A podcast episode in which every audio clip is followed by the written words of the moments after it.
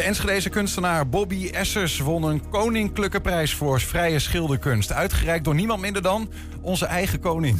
Ja, we hebben een fragment uit een interview met nieuwe directeur van het Rijksmuseum Twente, Carolien Brunesse. We spreken schrijver, journalist en antropoloog Joris Luijendijk over zijn boek De Zeven Vinkjes. Hoe mannen zoals ik de baas spelen. Waar hij twee lezingen in Enschede over gaat geven. De militairen van de Nationale Reserve houden vrijdag en zaterdag een oefening in Hengelo. Later spreken we een van deze reservisten. Het is woensdag 11 oktober. Dit is 120 vandaag. 120. 120 vandaag. Ze kregen hem uitgereikt door koning Willem-Alexander in hoogst eigen persoon. De in Enschede geboren en getogen Bobby Essers won afgelopen donderdag de Koninklijke Prijs voor Vrije Schilderkunst. Dat betekent een onderscheiding en maar liefst 9000 euro. Ze is met haar 23 jaar de jongste van de drie winnaars uit 495 ingezonden kunstenaars. Bobby, goedemiddag Hallo, hallo. en gefeliciteerd. Dankjewel. Een hele eer. Nou ja, eh, eh, het is een eer dat je er bent, moet ik zeggen. Eh, ja, goed, eh, one handshake away van Willem-Alexander. Ja, klopt. Want hij heeft dat eh, hoogstpersoonlijk aan je uitgereikt. Daar hebben we ook nog een beeld Ja. van. Hij zei in zijn speech, wil ik even mee beginnen. Na haar afstuderen in 2022, dat was aan de HKU geloof ik, Aan de HKU, ja, klopt. Utrecht, had Bobby Essers twee dromen. In een museum hangen en kunnen leven van haar kunst. En dat gaat lekker. Zij zegt hij dat letterlijk, hè? En dat gaat lekker, want na een jaar hangt ze zelfs al in een paleis. Ja, geweldig, toch? Ja, dat is toch prachtig? Ja, of niet? Wat is die dat? Een beetje? Ja, nou, I- ja, I guess. Nou ja, we hebben zo nog wat beeld dat je ook met hem praten zou. Kunnen we zo over hebben. Maar ehm je hangt, hier zien we de uitreiking, jouw kunst eh, hangt in het paleis op de Dam. Klopt. Dat is niet de minste plek. Nee, het is echt super bijzonder. Ja. Ze maken er speciaal gewoon een hele expositie van. Ze zetten, op de foto's kan zien, eh, allemaal muren neer om het aan op te hangen in de grote zaal, I guess. De rondloop. Ja. De Ik ben er nooit geweest. Oh, Ook nog nooit Ik in ben, het paleis? ik ben te min. Hmm, ja. Wij doen niet meer mee. Nee, maar goed, de rondloop blijkbaar. Hè? Dus Ja. een, een centrale plek in het gebouw. Ja, ja, precies. En als je nu naar het paleis toe gaat, dan moet je de entree voor het paleis betalen. Dat is voor mij 12,50. Ehm, en dan kun je het hele paleis zien dus. En ook de expositie, want die staat daar gewoon dus in het paleis. Ja, Ja, tot ja. 5 november. ongelooflijk. K- Ja. Ja. is het, ik, ik, ik- kun je het al geloven? Want dit is, dit is best een ding, toch? Nou ja, ik kan het nu best geloven, want ik, maar ik wist het natuurlijk ook al een tijdje. Hmm. Het is ook niet, het is nu meer zo van ongeloofwaardig dat die dag echt gebeurd is. Hmm. Ehm, het is gewoon zoveel adrenaline dat je het dan ook allemaal weer vergeet of zo. Ik zie alle foto's en denk ik, oh ja, klopt. Het duurt ook natuurlijk, zo'n ceremonie duurt uren. Ik was daar vanaf, denk ik, ehm, half één 's middags. Ja. Voor eerst een lunch en dan, nou ja, de rondloop en zo. Tot en met eh, zes uur s'avonds of zo. Ja, dat is een lange dag. Ja, en je, ondertussen, hè, we zien dat op beeld hier, eh, ben je nog even in gesprek ook eh, met, de- met de koning. ja. Ja, dat is, dat is niet voor iedereen elke dag weggelegd. Wat zegt hij dan tegen je op dit moment? Ehm, nou, we hadden het hier over. hij, hij kwam eigenlijk binnen met de eerste vraag was een beetje van. ehm, ehm, zijn het jouw echte vrienden die je schildert? En nou, zei ik ja, nou ja, dat, dat is het hele punt ja. ja, van mijn werk. Dat ik mijn vrienden schilder en die intimiteit. En dat legde ik een beetje aan hem uit. En ehm, toen zei hij dat hij mijn werk eerder had gezien. En toen zei ik, nou niet, wat vet. Waar dan? en toen zei hij, ja, net hier toen ik binnenkwam. Oh, wat, jij stelt ook gewoon een wedervraag aan Ja. de koning. Dat hij, dat hij op dat moment zegt ja, van... ik hey, dacht, huh, waar heb je het eerder Ja, gezien? dan wat vet dat de koning mijn werk heeft gezien. ja, ja, ja, ja, ja. maar waar? Ja, helaas. Ja. goed, nou ja, goed, nu kan die in ieder geval niet meer, eh, niet meer om je heen. Nee, ja, precies. Nou ja, waarschijnlijk is hij maar weer vergeten, maar wel leuk. Nou ja, het is natuurlijk formaliteiten voor, eh, voor hem misschien wel. Maar aan de andere kant, het is wel echt... Het, is een, een prijs eh, 1871. Sinds die Ja. tijd wordt die al eh, jaarlijks uitgereikt. Mhm. Aan, eh, laat ik zeggen, aanstormende talenten, jonge kunstenaars... om ze aan te moedigen. Ja, klopt. Echt bizar, hè? Ja, Lange prijs. is dat, ja dat is het. Ja, maar is het, wat doet het met jou dan? Want het is een aanmoedigingsprijs. Ehm, ja, nou, het is sowieso natuurlijk heel veel pres, ehm, pers er rondheen bedoel ik. Mm. Ehm, in Amsterdam ook en hier natuurlijk nu ook bijvoorbeeld. Dus er is super veel aandacht voor de prijs, wat heel belangrijk is eh, als jonge kunstenaar. En het is ook een prijs speciaal voor jonge kunstenaars onder de 35. Dus ehm, het is inderdaad een hele aanmoediging en het geld is natuurlijk ook niet te min. Ehm, daar kun je van alles mee doen wat je wilt in principe, maar kun je weer investeren in je werk. En ehm, dat is echt natuurlijk heel belangrijk voor jonge makers, omdat jonge kunstenaars vaak moeilijk heb, moeite hebben met het opzetten van hun eigen business als het ware. Ja. Dus zo'n prijs als dit kan mensen echt op de kaart zetten. Ja. Nou ja, 9000 euro. Eh, wa- Wat, Ja. wat kun je daar dan bijvoorbeeld mee? Heb je daar al een Nou idee ja. van? Eerder zou iemand op vakantie gaan ervan. Ja, dat kan. Nee, maar, dat, maar zou dat mogen? Je mag Maar gewoon zelf het mag, weten. want het is met mijn geld als het ware. Dus het is, eh, je mag echt mee doen wat je wilt. Ja. Nou ga ik het waarschijnlijk wel gewoon terugzetten in mijn... investeren in mijn werk. Want ehm, ja, 9000 is gewoon veel geld. Daar kun je van alles van kopen. Maar ook heel veel verf. dus dat, eh, dat is waarschijnlijk wat ik ga doen. Maar je mag in principe gewoon alles doen wat je wilt. En het is ook belastingvrij. Dus dat is echt super nice. Ja.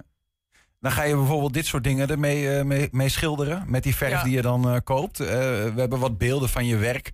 Ehm, je noemde net al even, vriendschap is een thema Ja. dat jij nou ja, probeert vast te leggen. Wat, wat zien we als we zo naar die werken Mm. kijken? Gewoon deze even bijvoorbeeld. ja, Ehm, hier zien we een werk met drie ehm, ja, afbeeldingen. Ehm, die hebt het meisje op de bank met haar benen en de tas. En dan heb je ehm, iemand met zijn benen over elkaar. Ik bedoel, zijn armen over elkaar, lol. mhm. Ehm, en dan heb je twee mensen die de- elkaar de hand toereiken. Of loslaten bijna, of nou vasthouden. Ehm, ja, dus ik maak foto's. Dit zijn allemaal foto's genomen in Kroatië. Toen ik op vakantie was met een goede vriend van mij. En eh, toen heb ik die foto's gewoon dus allemaal bekijk, bekeken. En dan ga ik soort van kiezen wat ik mooie foto's vind. En die overlap ik in een soort van collage. En dan ga ik ze schilderen. Dus dit zijn ja. het is een dit. combinatie van foto's, zeg Ja, maar. ja, ja. Ja. drie, drie foto's hier. En eh, ja, ik, ik, dat is misschien een detail wat helemaal niet boeit, dat weet ik niet. Maar ik zag dat de hand die uitgestrekt is, een Ja. soort van ge- ge- gebarsten knokkels heeft, lijkt het. Ja, dat is mijn eigen hand. Ja, ik hoor het al vaker, maar ik heb dus eczeem en soms ook op mijn handen. En dat is denk ik wat je ziet, ja. Oh, dus En, maar eh, dat is in die zin wel gewoon naar waarheid, foto. Want het, Ja. uiteindelijk is het niet helemaal. Het is een beetje een. eh, nou ja, het is wel concreet wat ik zie, hè? eh, Ja. maar, maar ook weer een beetje. Er zit wel wat abstracts in. Het is niet helemaal realistisch. nee, precies. Nee, het is ook gewoon een soort van waarneming van het idee van de mensen en van de foto's. Maar het hoeft niet voor mij één op één de foto te zijn. Het gaat meer om een soort van het idee van dat ik iemands ware aard of iemands true appearance probeer weer te geven. Maar, hoe, maar mij hoe zit dat eh, hierin dan? Hoe zit, wat, wat jij nu zegt, zeg maar. Hoe zit dat in zo'n foto? Of in zo'n Ehm, in zo'n schil- Want ik zeg al foto omdat het zo realistisch is. Hoe zit dat in zo'n schilderij? Nou, hier is het denk ik vooral bijvoorbeeld dus de, de handen en de, de, armen, de, de armen die over elkaar zijn. Ik zie daar heel duidelijk die vriend van mij in. Ik zie aan zijn houding ehm, hoe zijn armen als het ware over elkaar kruisen. Dat is voor mij heel duidelijk deze persoon. En ehm, ook hoe wij elkaars handen vasthouden. Eh, ik kan heel goed zien dat dat zijn. Ja, ik weet het, niet goed uitleggen, maar voor mij kan ik heel goed zien dat is, dat is hij. En hij weet ook heel goed dat hij dat is. Terwijl ik zijn hoofd niet erop zet, dus hij, maar toch weet hij het. Dit is jullie eh, relatie, zeg maar. Hè? Als vriend, Ja, ja. eh, onder elkaar. Ja. Eh, voel je allebei, dit is wie wij zijn. Ja, zeg precies. maar. En soms is het ook nog duidelijk hoor. Soms dan is het ook namelijk kledingstukken die mensen herkennen. Of hun moedervlekken of zoiets. Nou, andere, zeggen, hey, deze, bijvoorbeeld hier. Dit Ja. is een vrij, eh, nou ja, vrij expliciete schilderij ehm, van een, een, een, een, een, ik denk een vrouwelijk onderlichaam. Ik weet het niet. Nee, nee, het is een mannelijk onderlichaam. Een mannelijk onderlichaam. Ja, met een jockstrap aan. Met een jogstrap. Ik, ik heb hem niet iedere dag aan. Had hem niet herkend. Eh, maar en, eh, wat kun je hierover vertellen? Ehm, ja, dit was een soort, dit was een, twee, het zijn twee foto's, of foto's, dus afbeeldingen die ik heb gekozen van een feestje bij mijn oude huis in eh, mijn studentenhuis in Utrecht. Want jij, jij, even voor de duidelijkheid, jij schildert, jij maakt foto's en die schilder je na. Hè? Dat is wat Ja. jij nu zegt. Ja, precies. Dat is wat ik doe. Ehm, omdat de foto's soort van het vervoersmiddel om het moment naar het doek toe te krijgen.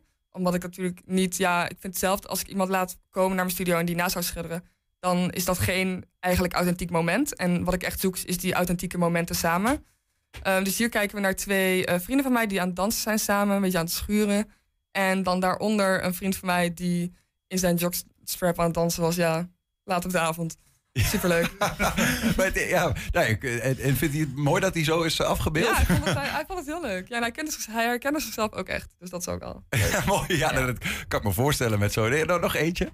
Ja, en hier zie je, eh, dit is ook van een, van een feestje van mijn oude huis, de oude studentenhuis. Ehm, hier zie je eigenlijk mijzelf en ehm, mijn beste vriend dansen samen.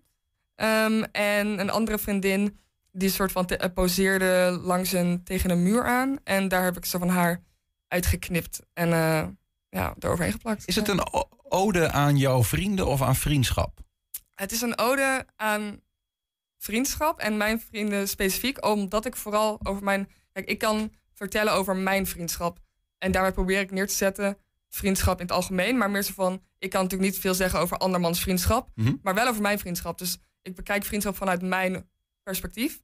Ehm, ja, dus het is vriendschap, maar ook mijn vriendschap, ja. Ja. Stukje uit de speech van de koning. Dat gaat hierover. Hij, hij prijst jouw durven om vriendschap te beschilderen, vast te leggen. Ja, Komt-ie. Vriendschap is een van de allermooiste dingen in het leven. En het is eigenlijk vreemd dat zo weinig kunstenaars zich eraan wagen om dat te verbeelden. Het lijkt ook bijna onmogelijk. Wat je deelt met je vrienden is immers niet vast te pakken. Het is een gevoel van vertrouwdheid, een onzichtbare verbondenheid. En toch durft Bobby Essers het aan. Ze viert de vriendschap met verf. Heel intiem en eerlijk. ja heel mooi stukje. Ik moet zeggen dat ik niet het idee heb dat ik een van de weinigen ben die over vriendschap schildert. Maar ik vond het wel mooi gezegd. Ja, Dat, is, nou, dat vind ik eerlijk van je. Wa- ik Ja. bedoel, de- de- de- is dat zo? Ja, ik, ik bedoel, ik ken ja ik jij precies, dus maar ik beter heb wel het idee dat, dat, dat, dat ik niet heel uniek ben daarin misschien. Ja. Maar misschien heb ik dat verkeerd hoor. Maar ik denk, ik heb niet het idee dat vriendschap een super uniek onderwerp is. Maar ja, Waarom schilder jij het? Ik denk allemaal dat het dichtst bij mezelf is. Op de kunstschool, op de bachelor, dacht ik altijd van oké, of dan vroegen mensen altijd, wat wil jij tegen de wereld zeggen? Als het ware, wat is jouw boodschap aan de wereld? En je kunt van alles tekenen, je kunt van alles schilderen, je kunt van alles maken en sculpturen. En, maar het is alleen, wordt alleen maar belangrijk en het wordt alleen maar jouw visie als het jouw visie is. Dus wat is jouw boodschap aan de wereld? En toen moest ik heel erg nadenken, dacht ik van ja, wat, wat is dat eigenlijk? Want ik kan inderdaad doen wat iedereen deed. Ik deed het heel veel over feminisme eerder. Maar op een gegeven moment wordt dat gewoon een beetje zo van... Het is best wel generic, weet je wel? Het is best wel simpel en heel veel mensen hebben het daarover. Algemeen, Niet- niet dat het- generiek. Ja, precies. Ja. Ja. En het is niet als het ware dat dat een slecht ding is... maar dat ik niet zo heel veel eigenlijk te zeggen had daarover vanuit mezelf misschien. Echt, ik had het over ongesteldheid en dat is ook best wel een breed onderwerp. En toen ik echt ging nadenken over wat is nou mijn ding wat ik wil vertellen... en toen kwam eigenlijk gewoon mijn liefde voor vrienden heel erg naar boven. En toen ik dat eenmaal ging doen, was ik daar zo blij mee dat dat gewoon gebleven is. Stukje uit de Volkskrant. Ehm, jij schildert volgens een, een, een kluwen van ontblote lichaamsdelen, veelal. Ja, En daar staat tussen haakjes, huid is moeilijk. ja. Is dat zo? Ja, het ligt eraan, denk ik. Ehm, ik denk dat huid wel moeilijk is. Ik denk dat huid nog moeilijker kan zijn als je het hyperrealistisch schildert. Ik weet dat ik realistisch schilder en ook best wel realistisch. Maar ik denk dat mijn huid nog wel gladder is en wel iets ehm, gladder dan de echte huid eh, is, als het ware, dan sommige mensen. Dus ik denk wel dat het moeilijker nog kan, als het ware. Ja. Maar ik moet zeggen, huid is wel moeilijk, omdat eh, huid is vaak voelt als één kleur, één, weet je wel, één kleurtint. Maar dat is natuurlijk helemaal niet zo. En als je het één kleurtint doet, is het Iedereen had als kind toch die, die, Ja. dat potlood met huidskleur, wat dan geen huidskleur was, ja, zeg gewoon maar. beige. of eh, oranje of zo. Ja. Ja, letterlijk. ja. Ja, precies. En ehm, dat is dan de enige kleur die je gebruikt voor huid. En misschien iets andere tinten. Maar het is best wel moeilijk om dat soort van levendig te maken. En Ja. soort van dat, het, dat er bloed in het lichaam stroomt of zo. En eh, ik moet zeggen dat, dat ik soms wel denk van... wauw, dat eh, heb ik even goed gedaan daar.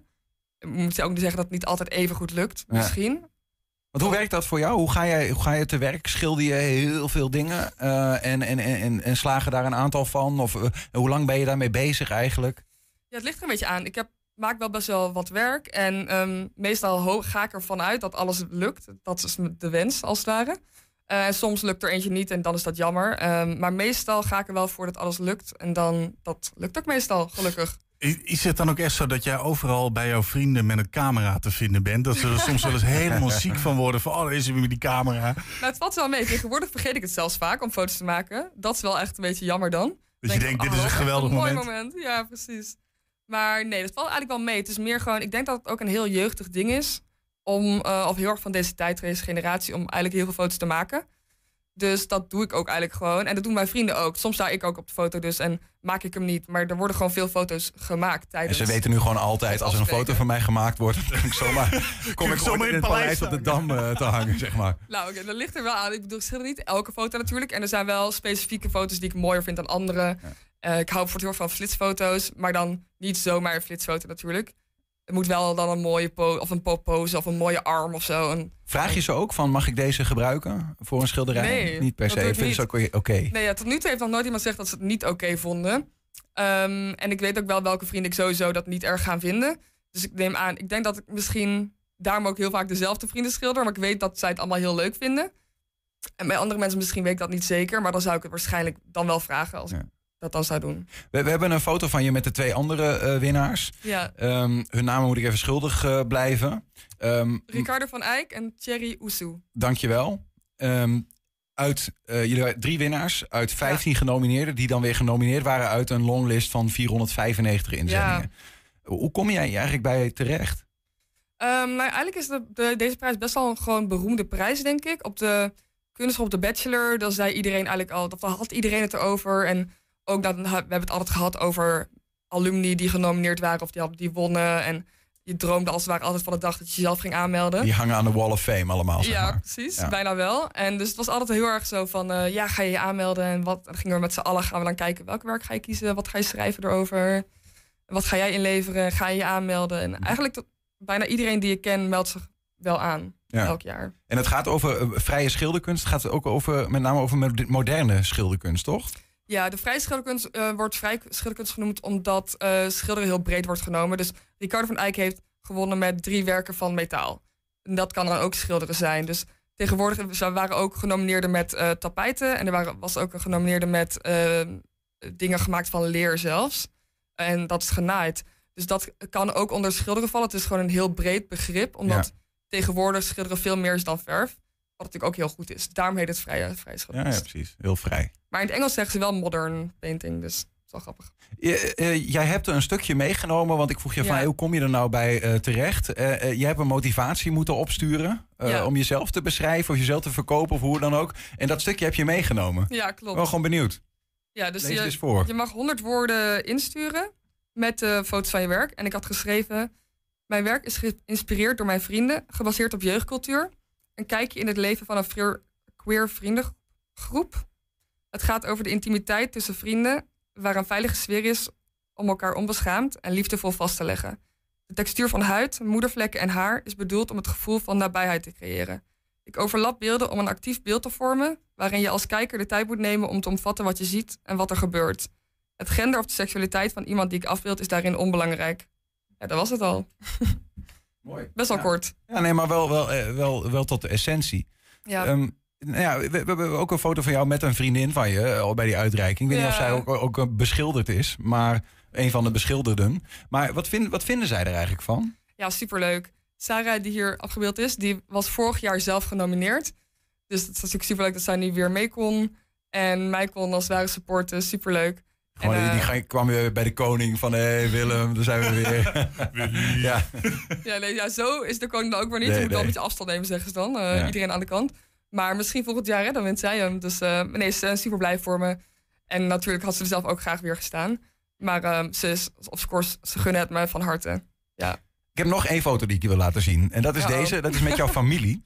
En ehm, voor wie er kent, ah, op links is eh, de Enschedeze stadsbijaardier. Ja. Esther Schopman, dat is jouw moeder. Dat is mijn moeder. Ja. Had jij geen bijaardier moeten worden? Had jij niet het carillon moeten bespelen, vroeg ik me af. Nou, ik heb wel veel instrumenten gespeeld, maar nooit het carillon. Nee, nee. Ik heb wel eens getingeld op de machine die we thuis hebben ervan. Ja, Maar dat is best wel een moeilijke, moeilijke beroep, hoor. ik geloof ik. het. Maar wat jij doet, vind ik ook heel moeilijk. Dus, ja, ik weet niet wat dat is in jullie familie. Een soort van Ja, talent voor de kunsten? Eh, Is ja, dat, een beetje wel. We zijn wel creatief allemaal, dus dat is wel leuk. Ja. Ja. Hoe kom je, wanneer wist jij dat je kon schilderen? En eh, dat jij dat ging doen in plaats van eh, op die sokken slaan? Ik wist dat best wel laat eigenlijk pas. Want ik wou altijd eh, actrice worden als kind. Dus ik had daar helemaal geen besef van. Ehm, maar toen ik ongeveer 18 was, ging ik naar de kunstschool. Dus toen ik 17 was, was ik afgestudeerd van, de, van het Kottenpark. Hier in Enschede. En toen dacht ik, ja, ik ga acteren. Maar toen was, vond ik het toch te eng. Ik had podiumangst. Toen dacht ik, ja, het gaat toch nooit wat worden. En toen dacht ik van, ja, eigenlijk heb ik altijd wel met kunst bezig geweest. Ben ik altijd wel mee bezig geweest. Maar ik had het nooit als optie gezien omdat theater altijd op één stond. En toen theater wegviel, was kunst opeens van wauw, daar is kunst. En dat is eigenlijk ook heel leuk, dat wil ik gaan doen. Nou ja, en niet Ja. onverdienstelijk. Ik ga je nog één veer in de spreekwoordelijke reet stoppen. Vertel. Even een imposant lijstje met eh, dingen, prijzen, eh, plekken waar je gehangen hebt. Je schilderkunst in, eh, hangt, hing in Museum Moore. Ja, klopt. Museum Moore, het grootste Nederlandse kunstmuseum voor moderne realisme. Bij Galerie in Amsterdam en Londen. Je won de Bunning Bongersprijs. Bunning Brongers, ja. Dat is de grootste particuliere kunstprijs van Nederland. Eh, en je werd geïnterviewd door eh, Brit- het Britse Elephant Magazine. Ook Klopt. gezaghebbend? Ja, nou, ik werd niet geïnterviewd eigenlijk. Een van mijn schilderijen was Picture of the Day. Oh, Oké, nou ja, eh, ook prima. Eh, dat is echt wel een behoorlijk lijstje. Daar voeg jij deze, eh, moet ik goed zeggen dan, de Koninklijke Prijs voor Vrije Schilderkunst aan toe. Je Ja. hangt in het eh, Paleis op de Dam. Ja. Eh, hoe, hang, hoe past die in dat rijtje? Is dit, eh, Nou, dat is wel eh, de, de, ja, dat is de, de topnemer. Dat is de kroon. ja, what's next? What's next is een hele vervelende vraag. What's next? Ehm, afstuderen van de master. Mooi. In Groningen is dat, hè? ja, dat zijn Groningen. Ja, nou ja, mooi dat je dat er gewoon als eerste pinpoint ziet. En wie weet waar je, je nog allemaal gaan tegenkomen. Bobby Essers, Ja. dankjewel voor je, voor je komst. Dankjewel. En nogmaals heel veel gefeliciteerd met, eh, met die prachtige prijs. En eh, succes met wat op je pad komt. Ja, jullie bedankt. Dankjewel. Journalist en schrijver Joris Luijendijk geeft volgende week twee lezingen in Enschede... naar aanleiding van zijn boek De Zeven Vinkjes... hoe mannen zoals ik de baas spelen. Straks praten we met hem. 120 vandaag. Ja, de Twentse voorloper van de camper is na een grondige renovatie in een oude staat hersteld. De zogeheten, en sorry als ik het verkeerd uitspreek, kukkloren rijdt weer. Kuk, Kukkelkar. kuk, kukkelkar. Ja. Ja, oké. nou ja, zoals Niels zegt, gingen de, oh, de, met die wagen gingen de collega's van FC, of eh, van het FC, nu gaat alles mis, van Twente FM, die gingen daar langs.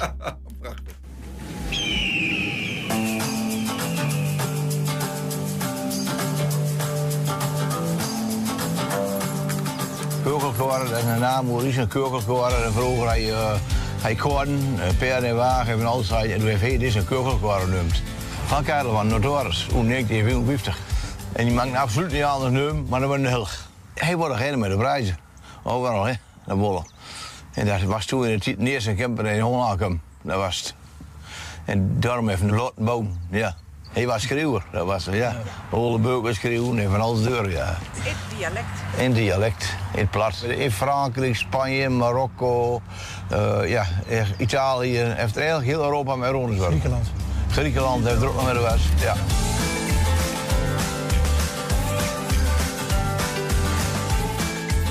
Maar vroeger allemaal schilderen in Meri, dat was ze. En eh, er was dus niks geen lakwaar op. Elke twee jaar ging er mee met een gwas of drie jaar en dan schilderde hij met Meri. Dus we hebben hem helemaal eh, op elkaar gehaald, helemaal laten stralen. En toen is het opnieuw gespuit bij ACN in Rissen hier. Dat is ze. Kijk.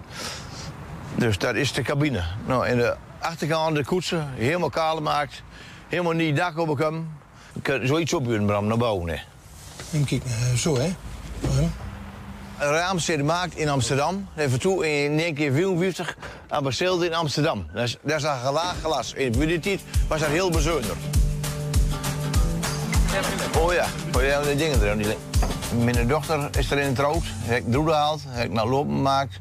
Is een nooit is de bier in gekomen. En toen in 2008 hebben we de droeden gehaald. Zo. Toen wisten we, hadden, hadden voetmos, van Jaap moest weg. En toen hebben we een En toen ik, nou, had ik naar een aanschouw in eerste instantie. En toen heb ik met de jongens overleg, ook met een drain, zonder restaureren. Historisch erfgoed insteld. Ja, ja. Ja. Het hoort bij Rissen. Oh, ja, die kastjes hadden, hadden allemaal eh, ja, klaar spullen, zeg maar. Daar een tandpasta-reling en alles wat we daar had gebruikt. Alleen die kastjes, daar deuren. Het is wel bijzonder, het is ook niet één, één kast, maar het zijn allemaal hele kleine... Al- allemaal verschillend. Allemaal verschillende afmetingen. Ja. Wie je niet om de gloor hebt nog, zover. Ja. Ja. Ja, Ja. is nostalgisch hoe je hier nu zo Ja. zit. Oh, Waar had er al, hè? De fles. er is. Een flesje erin. Oh ja. Iets van onder een kurk. Ja, dat hoe heel naar Spekhoornburg. Ja. Ik heb Wim maar een bel. Maar hadden maar vroeger ouder met vroeger, dan zal er dat ook wel weer in En werken. dan violen met onder een kurk. Dat hoor je achteraan. Dat hoor je niet. Het verstaan, eh, Julian. Nee, ik verstond er helemaal niks van. Maar ja, dat maakt ook niet uit. Je kon de ondertiteling gewoon Meer lezen. Twents op deze zender hoor ik wel. Meer Twentse les. 120 vandaag. Journalist, schrijver en antropoloog Joris Luijendijk geeft volgende week twee lezingen in Enschede... naar aanleiding van zijn boek De Zeven Vinkjes. Hoe mannen zoals ik de baas spelen. We spreken hem erover via Zoom. Eh, Joris, goedemiddag. Goedemiddag. Ik, ik, ken je de Zeven Vinkjes eh, uit je hoofd? Ik denk het wel, hè? Ikzelf. Ja? Kun je ze by, by heart opnoemen? Want dan kan, ik, dan kan ik even zeggen of ik ze aanvink. Oh ja, nee, het zou wel heel erg zijn. Als ik hier 6,5 jaar mee bezig ben en ik zou ze niet uit mijn hoofd kennen. Maar ik ging er ook al van uit. Dat je, dus, dat Ja, je dus niet te maken kunt hebben gehad met racisme, oké, nou dat denk ik niet. eh, niet te maken met seksisme, Nee. Niet te maken met homofobie of transfobie. Nee. Dus je bent hetero. Dat je minstens één in Nederland geboren ouder hebt, zodat je de Nederlandse cultuur al mee hebt gekregen. Vier? Minstens één ouder hebt met HBO of universiteit, dan wel gewoon wat geld, bijvoorbeeld als ondernemer of zo. Dus dat er thuis dat je een eigen slaapkamer had eh, om je huiswerk te maken. Dat, er, dat je op vakantie ging één keer per jaar. Dat je ouders naar de ouderavond gingen. Dat soort dingen. Vijf? Ja? En dan eh, dat je ook nog de meest prestigieuze opleiding van het land hebt. Dus VWO of gymnasium. En universiteit. Oké. Eh, Allebei die, want ik heb zeg maar een ateneum, maar ik heb gestudeerd aan de hogeschool daarna. Ja, dan, dan, dan, zou je, dan ben je daar eigenlijk helemaal. Maar dan zou je, als jij bijvoorbeeld echt ver wil komen bij de Rijksoverheid of bij een groot bedrijf, zou jij op je 35ste nog een universitaire opleiding gaan doen. Om dat, ook dat vinkje te krijgen. Omdat je ontdekt dat als dat vinkje er niet staat, dat je ook al functioneer je prima, dat je toch dat het net even minder veilig is om jou die baan te geven. Ah, oké. Maar dus- je bent, jij bent wel echt hyper, hyper, hyper geprivilegeerd. ja, Ja. oké. Dus ik heb, ik heb zeg maar zes en een half en bijna je, je z- kan nog. Niels. Je bent nog, je bent nog geen 35. Nee, dat, dat klopt, dat klopt. Maar eh, Joris, wat, wat zeg jij dan door de bank genomen over, laat ik zeggen, mijn, mijn type of het type met die zeven vinkjes? Nou, wij, wij, houden, wij hebben dus eigenlijk geen idee van het land. Eh, dus, dus vrouwen... Jij zegt wij dus omdat jij dat ook zelf bent, hè? De- eh, jij hebt die zeven ja, vinkjes ja, zelf. ik ben het zelf Ja. ook. Ja, dus ik, het is een zelfonderzoek waarbij ik probeer te begrijpen wat nou mijn nest, mijn lichaam en mijn opleiding hebben gedaan met mijn beeld van mezelf, de samenleving en de wereld. En dat beeld is gewoon veel te positief. Want ik maak zelf geen discriminatie mee. Ik vecht me niet in in een andere cultuur, want die had ik al. Ik vecht me niet in een andere sociale klasse, want mijn ouders, mijn moeder gaf Nederlands, mijn vader was psycholoog bij de Rijkspsychologische Dienst. Dus ik, ik heb het eigenlijk altijd zit ik aan de dominante kant van verschil. En ik krijg overal het voordeel van de twijfel. Want ik zie eruit als de premier en de vorige premier en de premier daarvoor en de premier daar- daarvoor en de premier daarvoor. Ja. En daardoor heb ik eigenlijk een veel te een soort ja, rooskleurig beeld van hoe, de, hoe het is voor de rest van het land. Eh, ja, Rutger Brechtman, die de meeste mensen deugen schreef, dat is ook zo'n zevenvinkje. En het probleem is, mijn soort mannen runnen het land. Dus wij hebben heel weinig besef van wat er eigenlijk gaande is in de rest van het land. Maar hoe hoger je komt in het grote glazen gebouw waar wij zitten, hoe meer mannen zoals ik daar zijn. En wij leggen dus ook een soort norm op waar de rest zich aan moet eh, aanpassen. En dat merk je bijvoorbeeld aan mensen uit Twente, die dan carrière willen maken in de Randstad. En die gaan dus anders praten. ja, ja dit- dat, is, Ja. eh, dat is waar. Dat is, eh, ik heb dat dan- ook dan- gezien. Dan vraag ik aan ze van, hoe is dat dan als je weer thuis bent? En het werk belt. En dan zeggen ze, nou, dan loop ik eerst de kamer uit en dan neem ik op. Want ik vind het pijnlijk om dat ABN te spreken tegenover mijn ouders. Terwijl daar natuurlijk inhoudelijk is er, of jij met een accent spreekt of niet, is helemaal geen verschil. Maar je kunt maar beter lijken op Mark Rutte in het land van Mark Rutte. Mark Rutte is ook een zevenvinkje. 3% van Nederland hebben dit zeven vinkjes. Maar Ja. op twee van de drie machtsposities zit een zeven vinkje. Ja, het is wel wat je zegt, Joris. Het is een soort van verheerlijk beeld. Als je het even hebt over die jonge Twentenaar, zoals waar ik vandaan kom. Dan is het eh, eh, de reis eh, naar het westen. Hè. Je, zou, je moet eigenlijk gewoon proberen om in Utrecht of in Amsterdam of zo te gaan studeren. En inderdaad toch een beetje dat accent, daar moet je, daar moet je vanaf. En dat, dat heeft dus te maken, zeg jij, met... eigenlijk anders kom je er niet in die, in die, in die Nou wereld. Mensen merken dus dat ze er een soort prijs voor betalen. Dat je gewoon net minder serieus wordt genomen. Dat hebben ook mensen die dus plat Amsterdams praten. Die gaan ook anders praten. Ja. Want ze merken ook dat als je dus klinkt als Bastian Adriaan, maar Vlodder of Siske de Rad, dat je gewoon net even wat minder serieus wordt genomen. En op een gegeven moment gaat het er natuurlijk wel om om serieus te worden genomen als je verder wil en je verder wil ontplooien. Ja. Dus het is een soort norm. Mijn soort mannen zijn een soort norm. En als je daarmee samenvalt met die norm, ja, dan heb je het veel en veel makkelijker. Maar dat besef je niet. Dus als je, win, als je fietst en je wint mee, denk je al heel gauw, jee, ik kan goed fietsen. Nou, wij hebben dus waanzinnig hoeveelheid wind mee. Ja. En wij bepalen het beleid voor de rest van het land. Dit, Dus is, is, dat, dat is natuurlijk uiteindelijk ook, ook gewoon een beetje eh, gro- groepsvorming, toch? Als in dat je je identificeert met je, met je eigen groep. Wat, wat, is het, wat, is het, wat is het probleem daarom- met wat je beschrijft? Nou, dus dat wij maar met 3% zijn. En wij dus eigenlijk ja, zo weinig besef hebben van bijvoorbeeld hoe het is om laaggeletterd te zijn. Maar wij maken wel de regels voor de laaggeletterden.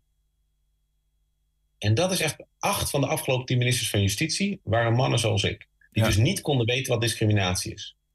Wij hebben de afgelopen 30 jaar in Nederland echt heel weinig gedaan aan discriminatiebestrijding. Ja, ik kan dat niet loszien van het feit dat degene die erover ging, zelf er niet mee te maken had. Ja, ja. Dat één op de zes volwassen Nederlanders laaggeletterd is. Dat dat niet de topprioriteit is in ons beleid. Om daar wat aan te doen. Ja, de mensen van wie wij houden, die zijn niet laaggeletterd. Die staan ook niet op een wachtlijst voor een sociale huurwoning. Die worden niet ondergeadviseerd in het onderwijs. Dus wij hebben extreem weinig te maken met onrechtvaardigheid. En wij bepalen of we iets gaan doen aan onrechtvaardigheid. Nou, ik zit er meteen even van, van wat zijn dan daarin mogelijke oplossingen? Volgens mij kun je twee dingen doen eh, in mijn hoofd nu. Eh, Je, kunt zeggen, nou ja, die bestuurder die inderdaad niet helemaal weet hoe de rest van de wereld in elkaar zit, omdat hij zelf nou eenmaal door een bepaalde bril kijkt, die zeven vinkjesbril, die moet zich veel meer verdiepen in die andere persoon. Of we stellen iemand als minister aan die zelf laaggeletterd is. Maar ik weet niet of dat tweede verstandig is als het gaat om het bestuurlijke ervaring dan bijvoorbeeld. Maar wat nou als je iemand neemt die zich heeft opgevochten uit een laaggeletterd milieu? Die is op eigen kracht, zonder hulp van de ouders, door het onderwijssysteem is gekomen. Die heeft dus echt een fantastische hoeveelheid levenservaring. Ja. Dat is nog eens wat, maar dit is heel gek. Dat als we nu, als het ministerie van Onderwijs nu een vacature uitschrijft voor, een- voor de ambtenaar die gaat over laaggeletterdheid, dan is daar Gerrit en die komt uit een laaggeletterd milieu. Die moest van heel ver komen, die heeft HBO. En mijn moeder gaf Nederlands en ik heb universiteit. Dan heb ik meer kans op die baan dan Gerrit. Terwijl Gerrit bij het hele vaststellen van het beleid de hele tijd kan putten uit zijn eigen ervaring, die waarschijnlijk ook van zijn familie, van zijn buurt. En dus waar ik voor pleit is dus diversiteit van levenservaring. En niet van dat spreadsheet diversiteit, waarbij je zegt, nou, we moeten een blik vrouwen opentrekken en een blik mensen van kleur. Dus vrouwen van kleur tellen dubbel. Ja. Het, waar het om gaat is dat je dus mensen met verschillende levenservaringen binnenbrengt en dat je ook sociale klassen meeneemt. Dit is best Sociale klasse kan echt een bron zijn van achterstelling en discriminatie. Dit, is een, een, oproep, tenminste zoals ik het hoor, eh, ook aan het bestuur. Hè? Ehm, maar jij gaat volgende week in Enschede eh, twee lezingen geven. Eén in een volkswijk, Patmos, eh, waar veelal oud-textielarbeiders wonen. En één op Universiteit Twente. Nou ja, dat we volgens mij niet uit te leggen. We, dat, is, Ja. dat, dat zijn twee heel verschillende groepen. Wat ga je bijvoorbeeld in Patmos eh, vertellen dan? Want daar zitten weinig bestuurders bij. Ja, dus dat wordt een gesprek. Dus dat gaan we vanaf het begin helemaal als gesprek doen. Eh, dat gaat, komt ook sterk eh, af van de organisatoren daar. Die zeggen van we willen graag een uitwisseling. Dat mensen, ook bewoners, kunnen delen wat zij meemaken. Iets wat ik natuurlijk als onderzoeker en journalist fantastisch vind. En die zal dat daar dus veel meer luisteren. Op de universiteit moet ik gewoon hopen dat mannen zoals ik gaan komen. Want dat is altijd het probleem. Dat wij komen niet bij dit soort bijeenkomsten. Wij willen het niet horen. Wij willen het niet weten. En als we al komen, dan gaan we meteen in verzet. En ik, ik heb nu al zo'n, sinds mijn boek uit is, zo'n 200 lezingen gehouden. En het is steeds weer hetzelfde. Van die mannen zoals ik, die zeggen, nou, dat valt wel mee. En we gaan over kwaliteit. En diversiteit is natuurlijk prima, als het maar niet ten koste gaat van de kwaliteit. Mm. En allemaal van dat soort bezweringen. Om niet werkelijk werk te maken van teams. En, en, eh, en een personeelsbestand. Waarin je mensen uit van hele verschillende achtergronden hebt. Die ook zichzelf durven zijn. Dus er is echt nog heel veel te doen. Dus ik, ja, als jij een zevenvinkje man kent, sleur hem mee naar de universiteit. Want echt, ik, ik kan op een bepaalde manier die man een beetje bereiken, omdat ik er zelf eentje ben. Maar, maar dus als je mij ziet, ja, Ja, nee, ik, ik, ik, moet ook even denken, hè, want dat is natuurlijk een, nou, best wel een bekend verhaal. Je zat bij Buitenhof en er waren wat kritische artikelen. Toen ontploft het een beetje, hè, van dat, dat, dat sommige eh, media over jouw verhaal heen vielen. En ook die, eigenlijk ook die tegenaanval kozen van eh, waar- heeft die eh, Joris Luidijk het eigenlijk over? Is dat een beetje vergelijkbaar met de reactie die dan in den landen bij, bij lezingen hoort? Ja, enigszins ja. Ja, dus, dus inderdaad dat buitenhof, daar werd ik tegenover twee mensen gezet die het boek niet hadden gelezen, maar het wel belachelijk vonden. Ja. Ehm, en eh, in, dat kom ik in het land ook veel tegen. Je ziet ook in de lichaamstaal en zo. Maar het is ook heftig, weet je. Je wordt als, als man word je je hele leven aangemoedigd om zichtbaar te zijn, om, om, om de aandacht op je te vestigen en zo. En dat is nu eigenlijk best wel problematisch gedrag, omdat we daarmee die vrouwen bijvoorbeeld wegduwen. Ja, dat is, dat is gewoon, eh, dat vinden ze ook niet leuk om te horen. Maar ja, weet je, de, de, de vraag is hoe rouw je om het verlies van een zelfbeeld dat je nooit had moeten hebben? En Nee. dat is voor die mannen nu echt de vraag. Nou, d- dan zou ik denk dat als je het aan mij zou eh, vragen, ik, misschien, ik heb daar misschien ook mi- minder moeite mee. Ik heb dus ook maar zes of zes en een half vinkje, zoals we net eh, eh, beconcludeerden. Maar dan zou ik ook denken, dan zou ik eh, hopen dat je kunt uitleggen aan mij hoe, hoe kom je daar dan bij? Hè? En wat is dan, eh, wat is mijn probleem eigenlijk? Eh, en wat veroorzaak ik daarmee? Nou, het is denk ik vooral dat je dus, ehm, als je dus bijvoorbeeld het hebt over ach- uitsluiting en achterstelling, wat nu echt een van de grote thema's is van onze tijd, is dat je daarbij dus heel moeilijk kan putten uit eigen ervaring. En dat maakt je gewoon, vrees ik, als interviewer op dit onderwerp gewoon minder goed. Ja. Eh, de- En, en het is ook met je prioriteiten. Dus redacties vergaderen en dan gaan ze het hebben over wat vinden we belangrijk. Nou, als je gewoon kijkt naar door zes en zeven vinkjes gedomineerde redacties, dan vinden ze wachtlijsten, sociale huurwoningen, onderadvisering, discriminatie, laaggeletterdheid, vinden ze gewoon niet zo belangrijk. Ze, ze, raken er niet van in vuur en vlam, want het raakt hen niet en het raakt de mensen niet die van, die, die- van wie ze houden. En dus op dat niveau gaat het. Dus ik denk, je hebt, je hebt echt gewoon meerdere perspectieven nodig in je team en ook in je redactie. Eh, en bij sommige onderwerpen denk ik dat je ook gewoon alleen maar open vragen kunt stellen. En zijn voor de rest misschien ook moet denken, nou, dat, dat interview moet ik misschien niet doen.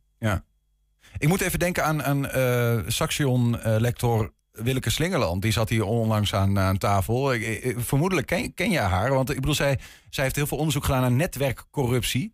Ehm, wat eigenlijk, eigenlijk een beetje hetzelfde verhaal is eh, wat zij vertelt. Hè? Dat, dat eh, bestuurders, niet, niet per se eh, bedoeld, maar ze putten uit hun eigen kennis, eh, uit hun eigen omgeving, eh, ook qua mensen om hen heen. En dat maakt dat er een, een, aan hun kant een bubbel ontstaat, ehm, ja, die gewoon niet representatief is voor de, voor de rest van het land.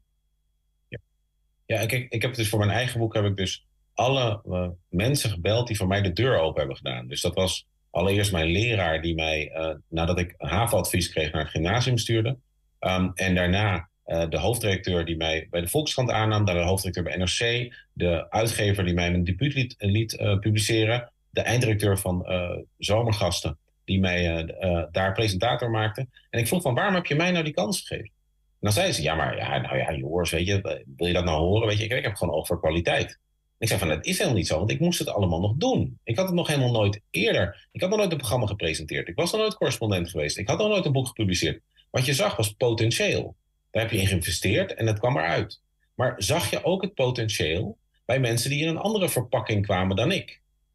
Nou, als we dan terug gingen kijken naar hun personeelsbeleid, dan was het antwoord heel erg nee.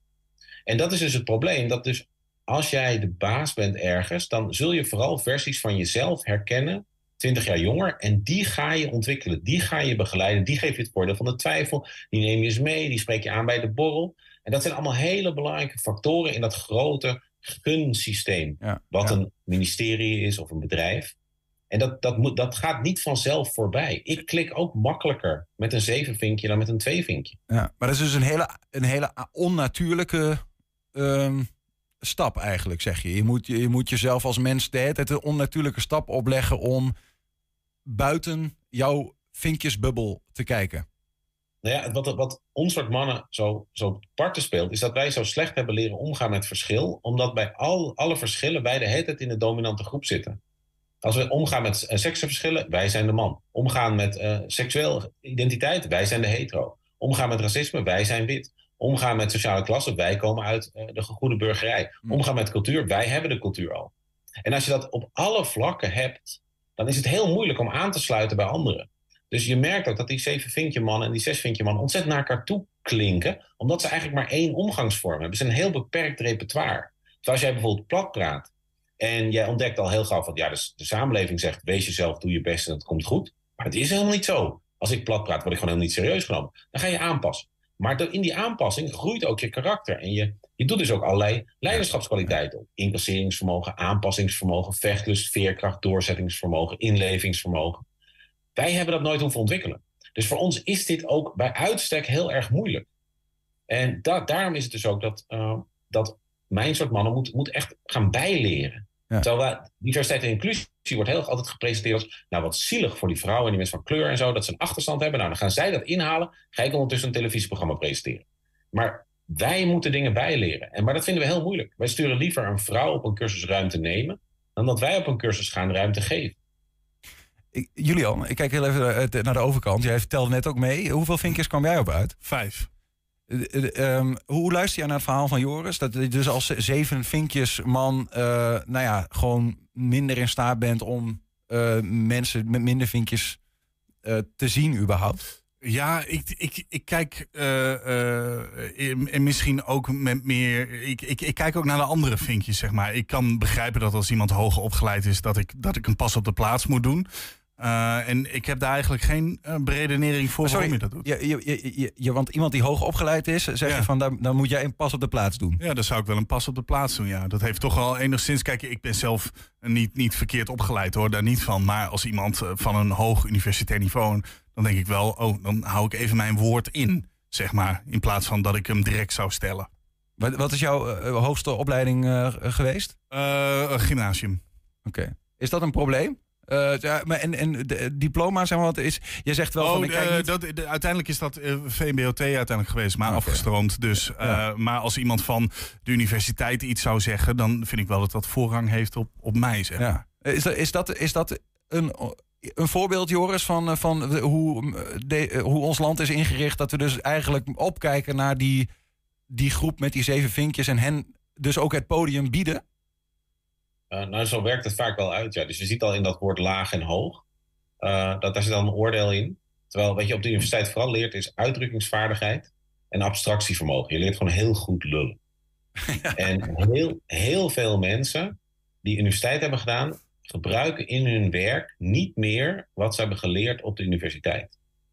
En dan vind ik die verering van diploma's best wel raar. Maar inderdaad, wat je dus wel op de universiteit leert en blijft gebruiken, is dus inderdaad die soort intimiderende manier van praten, die er vaak voor zorgt dat mensen die er best wel veel van afweten, of soms zelfs meer, toch maar denken van nou, inderdaad, zoals je collega zei, van ik maak even pas op de plaats. En eh, ja, dat, dat is, ik vind die minachting ook voor eh, VMBO en, eh, en, en eh, wat dan heet lage opleidingsvormen, vind ik heel, heel, heel bedenkelijk. En we zagen bij corona ook dat we die beroepen veel harder nodig hebben Ja. dan mensen die Europese studies hebben gedaan of antropologie zoals ik. Ja, het, En- ge- en- het gekke is, want ik, ik, ik ik, kijk een beetje, Julian, ik, ik merk dat je zeg Nee. maar moeite, bijna moeite hebt om, om zeg maar te zeggen van, ja, eh, eh, ik heb uiteindelijk een VBO, een VMBO eh, gedaan. Dus, en ik, ik herken dat een beetje, omdat ik, ik heb die middelbare school een, een ateneumdiploma. Maar daarna ben ik in de eerste instantie een mbo-opleiding gaan doen. En toen ik dat deed, wilde ik toch altijd aan mensen uitleggen, ja, eh, ehm, ik, ik, ik had ook naar de universiteit gekund, zeg maar. Dus ik, even introspectie. eh, daar zit dus inderdaad een soort van eh, enorme ehm, schuld bijna, of schaamte rondom het niet halen van, die, van het allerhoogste niveau. En nu, heb, nu zijn wij dus nog wel allemaal gewoon witte heteromannen met een Nederlandse cultuur. Dus nu ben je een zwarte vrouw. En nu zit je op het VMBO. Dan is het nog even een tikje Nou ja, ingewikkelder. Dat, dat is niet moeilijk in te vullen. Want dan heb je dus ook nog te maken met al die negatieve stereotypen van vrouwen. En al die negatieve stereotypen van zwarte mensen. En dus het, het telt op. Maar ik denk, er zitten bij veel witte mannen zit ook heel veel aanpassing. En daarom, kijk, 43% van Nederland is een witte man. 3% is een zeven vinkje. En één, mijn missie is dat we dus onderscheid gaan maken tussen van die mannen zoals ik, die dus, die dus op veel meer vlakken steeds aan de makkelijke kant hebben gezeten. En al die andere mannen, want je hebt witte mannen uit Polen. Eh 5% van Nederland is wit en heeft twee in het buitenland geboren ouders. Die weten echt wel wat culturele aanpassing is. Maar je hebt witte mannen die analfabeet zijn of hun ouders, laaggeletterd of hun ouders, laag opgeleid of hun ouders. En die hebben allemaal wel degelijk echt te maken met achterstelling. En ik vind het heel eh, bedenkelijk dat we dus bij diversiteit en inclusie dat sociale klassen eruit laten. Waardoor we dus tegen Gerrit zeggen, die in een gebroken gezin opvoedt, eh, opgroeit met een laaggeletterde moeder, geen geld, ondergeadviseerd, alles zelf doen, enorme studieschuld. En dan komt hij uit die opleiding en dan krijgt hij te horen dat hij die baan niet krijgt, want die gaat naar Marie-Louise uit Amsterdam-Zuid, dochter van twee advocaten, want dat is goed voor de diversiteit. Ja, dan gaat Gerrit dus naar de PVV of naar Forum. En, en dus als je sociale klassen eruit laat en je zegt tegen de alle Gerrits en Marco's en Piets en Henks van Nederland, nou, jullie doen dus een generatie niet mee. Dan leg je een bom onder wat ons ontzettend belangrijk is, namelijk diversiteit en inclusie rond geslacht, huidskleur, seksuele identiteit. Dus er staat echt ook iets op het spel. Ja. En ik denk dat mannen zoals ik bij uitstek geschikt zijn om deze boodschap te brengen, omdat het niet leuk is om te horen. En ons soort mannen wordt gewoon heel veel vergeven. Dus als wij dit zeggen, dan haakt het publiek niet af. Ik doe dit ook vaak, dit soort ge- lezingen met dus iemand anders die een hele andere achtergrond heeft. Bijvoorbeeld Sinan Sankaya, die komt ook enigszins bij jullie uit de buurt. Uh, die heeft een Turkse achtergrond, gepromoveerd op racisme bij de politie. Die zegt tegen mij, als ik hetzelfde zou zeggen als jij, dan weet ik dat een derde van het publiek meteen afhaakt. Dan denken ze, oh, daar heb je weer zo'n klagende Turk met een zielig verhaal. Ja. Terwijl hij zegt, ik zie die zaal gewoon, en bij jou zit ze gewoon te knikken. Want men is geprogrammeerd om te denken, oh, dat is een nette meneer. Die weet wel wat, die, die praat netjes. Nou, die zal het wel weten. En dus moeten wij juist niet als zeven vinkjes weglopen en zeggen, nou, gaan jullie lekker diversiteit en inclusie doen, dan runnen wij het land. Maar wij moeten juist mensen confronteren met die boodschap dat het voor ons allemaal wel eerlijk en tolerant was. Maar niet voor heel veel andere mensen. Dat we hele concrete stappen kunnen zetten om dat beter te maken. Duidelijk. Je daagt uh, de, de mensen die uh, zich bewegen op Universiteit Twente uit om volgende week woensdagavond uh, daar in ieder geval naartoe te komen. dat is één van de twee lezingen. Wanneer is dat precies en waar, Joris? Dat uh, hoopte ik dat jij dat wist. Ah, oké. Okay, oké. Okay. Nee, excuus, dat heb ik niet paraat. dus, uh, dat, de, maar goed, dat, dat moet je dan even opzoeken. Het is een avond van Pakhuis Oost, dus zoek dat even op. Volgende week woensdagavond is dat op de universiteit. En je hebt nog één andere lezing uh, in de wijk Patmos. dat is woensdagmiddag. Ja. ja dus het is een tweede dag. Precies. En, en, en wie nodig je daarvoor uit?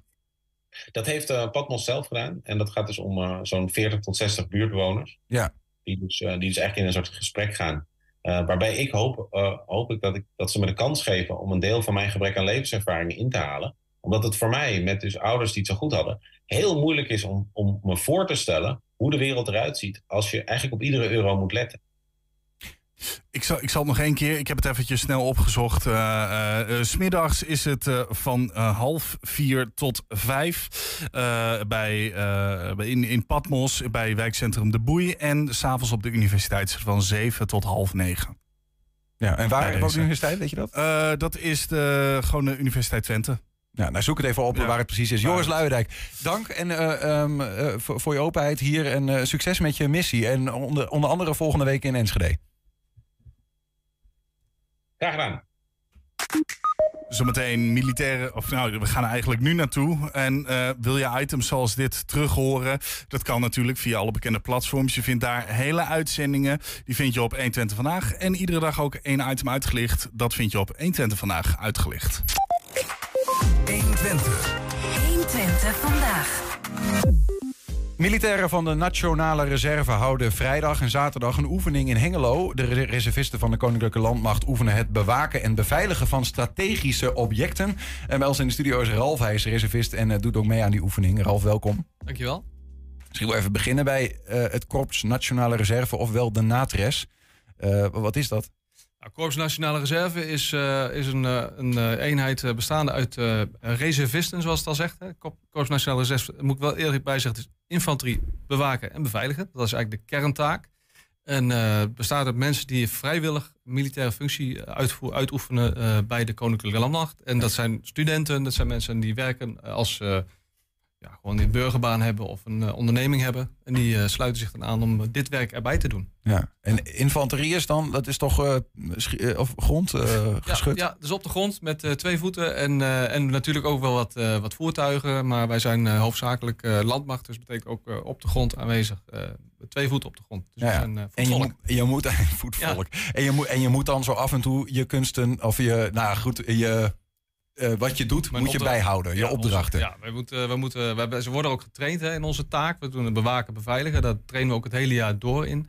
Maar daarnaast hebben we ook onze inzet- en uh, steunverleningen bij uh, verschillende opdrachten die we dan krijgen. Wat, wat zijn dat voor opdrachten bijvoorbeeld? Ja, je kunt voorstellen, we hebben bij rampen worden we bijvoorbeeld ingezet, zoals de watersnoodramp in Limburg, die we destijds hebben gehad in 2011 of mm -hmm. 2021. bij Groningen Maastricht. worden we ingezet, ja. Maastricht, ja, die kant uit.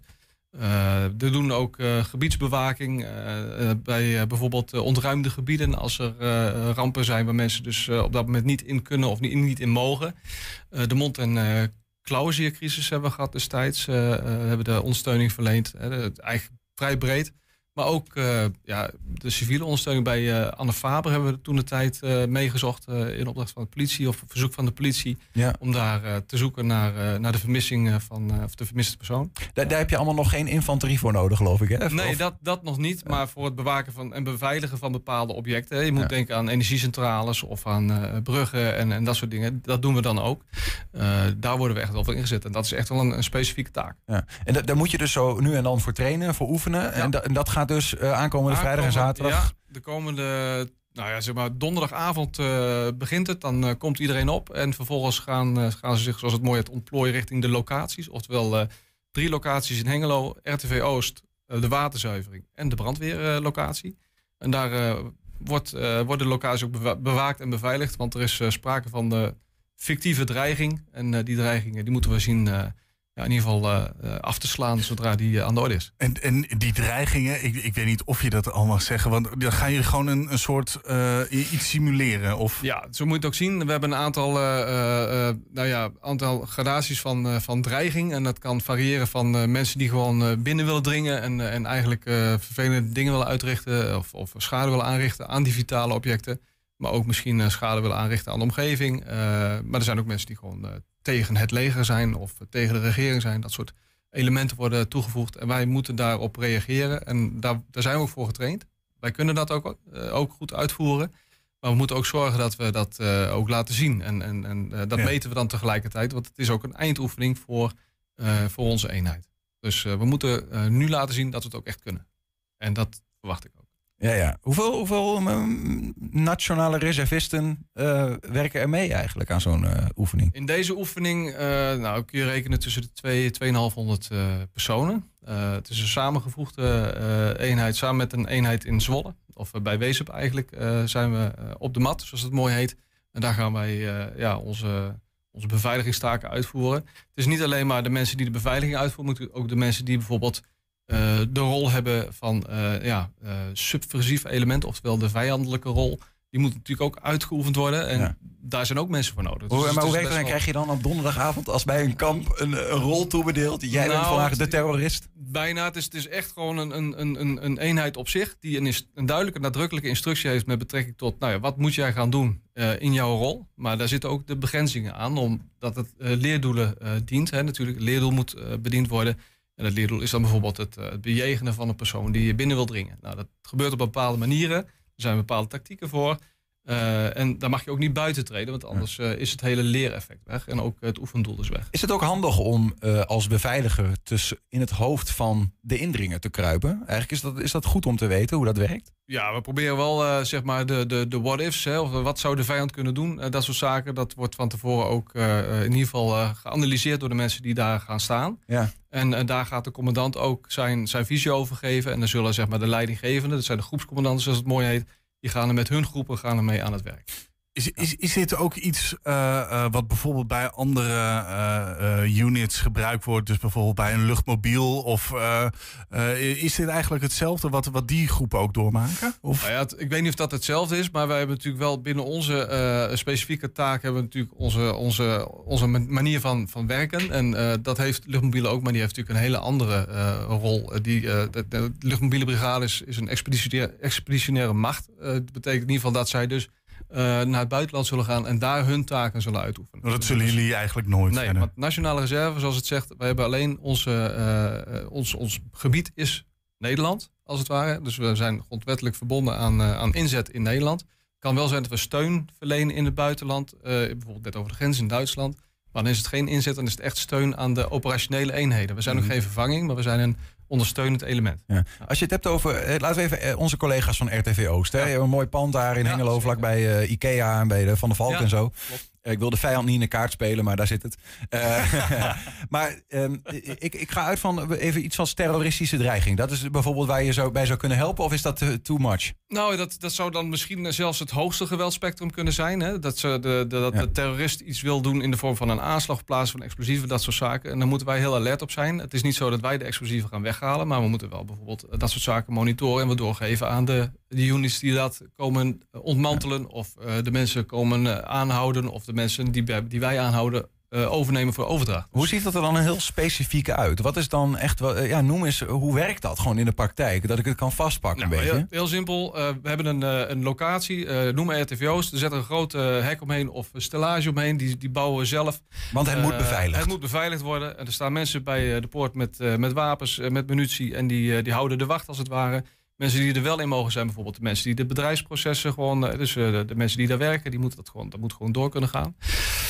Maar eh, mensen die daar niet binnen horen, thuis horen, daar zijn ook signalementen van. Of die willen dan stiekem binnendringen. Nou, die gaan we natuurlijk niet binnenlaten. En die gaan we ook onderkennen. Die gaan we dus ook of overdragen of misschien wel wat anders. Ja, ja. Maar goed, dat... eh, Ja. ja. Maar je gaat iedereen die daar binnen wil, ga je gewoon vragen. La- je? la- laat je paspoort zien, eh, weet je wel. Of, ja, eh, of identiteitsbewijs, of ze staan op een lijst en dan komen ze binnen. Nou, hey, u staat niet op de lijst, wat wilt u hier? En dan toch proberen binnen te dringen. Ja, of misschien een gat in een hek proberen te knippen. Ze kunnen op allerlei manieren proberen binnen te dringen. Soms gaat dat wat minder gewelddadig dan anders. Ja. ja, en de ene keer moeten we daar wat, wat, wat, wat adequater op reageren. In de zin van meer geweld of minder geweld. Ja. Reservisten doen dit toch niet fulltime? Het is toch iets wat Nee. je eigenlijk ook bij je, bij normale werk doet? Of? Ja, dat klopt. De meeste mensen van ons hebben of een baan of een studie. Nou, in eh Twents, eh, waar we gelegen zijn voor een groot deel, en in de Achterhoek, op Eibergen hebben we ook een locatie. We zitten in Enschede en op eh, Eibergen. Daar hebben wij te maken met veel studenten en mensen die een gewone baan hebben. Dus toch een behoorlijk aantal mensen die op de UT studeren of bij Saxion.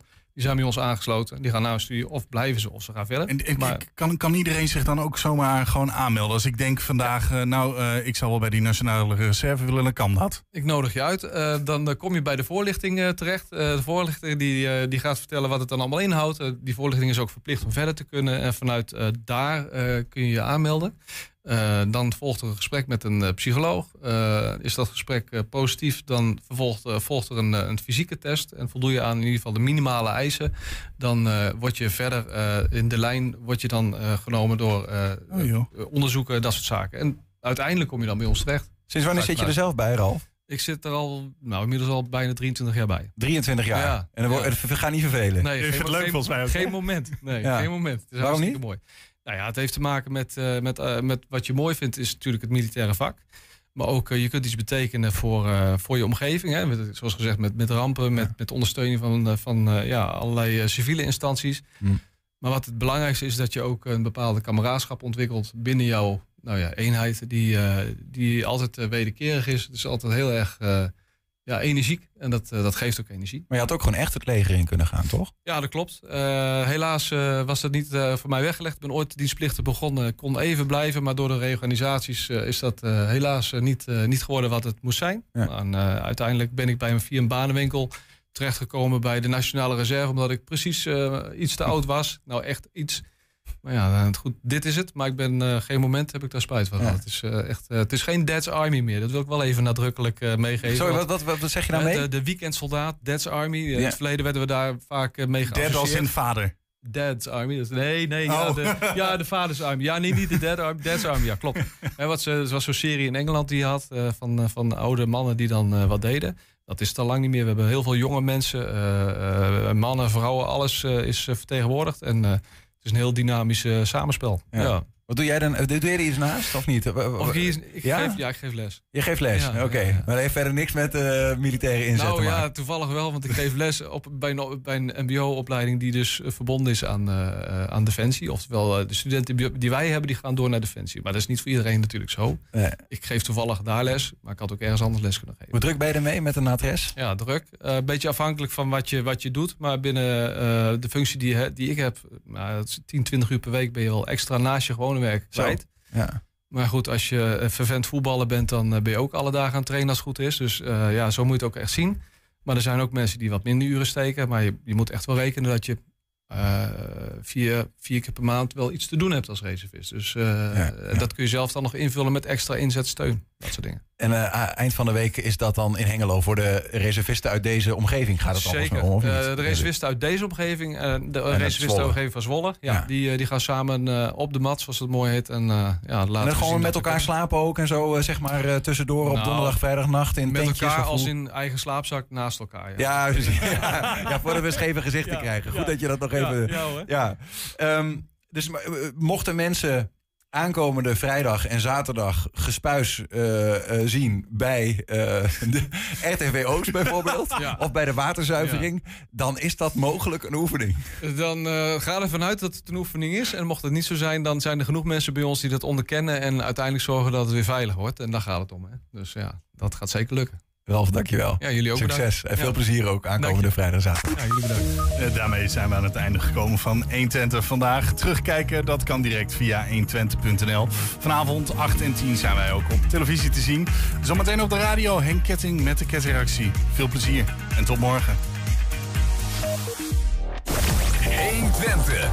Weet wat er speelt in Twente. Met nu het nieuws van 5 uur. Goedemiddag, ik ben René Postma. De Tweede Kamer eist dat minister Adema in Europa toch tegen het onkruidmiddel glyfosaat stemt. De Kamer is tegen het middel, onder meer omdat er aanwijzingen zijn dat je er Parkinson van kan krijgen. Maar Adema weigert tegen te stemmen. De Kamer vraagt hem nu in een motie met klem om dat toch te doen. Het militaire vliegtuig waarmee Nederlanders weg kunnen uit Israël is geland in Tel Aviv. Er kunnen 200 mensen mee, onder andere scholieren en studenten die voor hun opleiding op bezoek waren. Morgen gaat er nog een KLM-vlucht om Nederlanders te repatriëren. En er is ook een passagiersboot geregeld naar Cyprus. Er zijn nu ook cyberaanvallen op Israël, meldt RTL Nieuws. Tientallen Israëlische en Joodse websites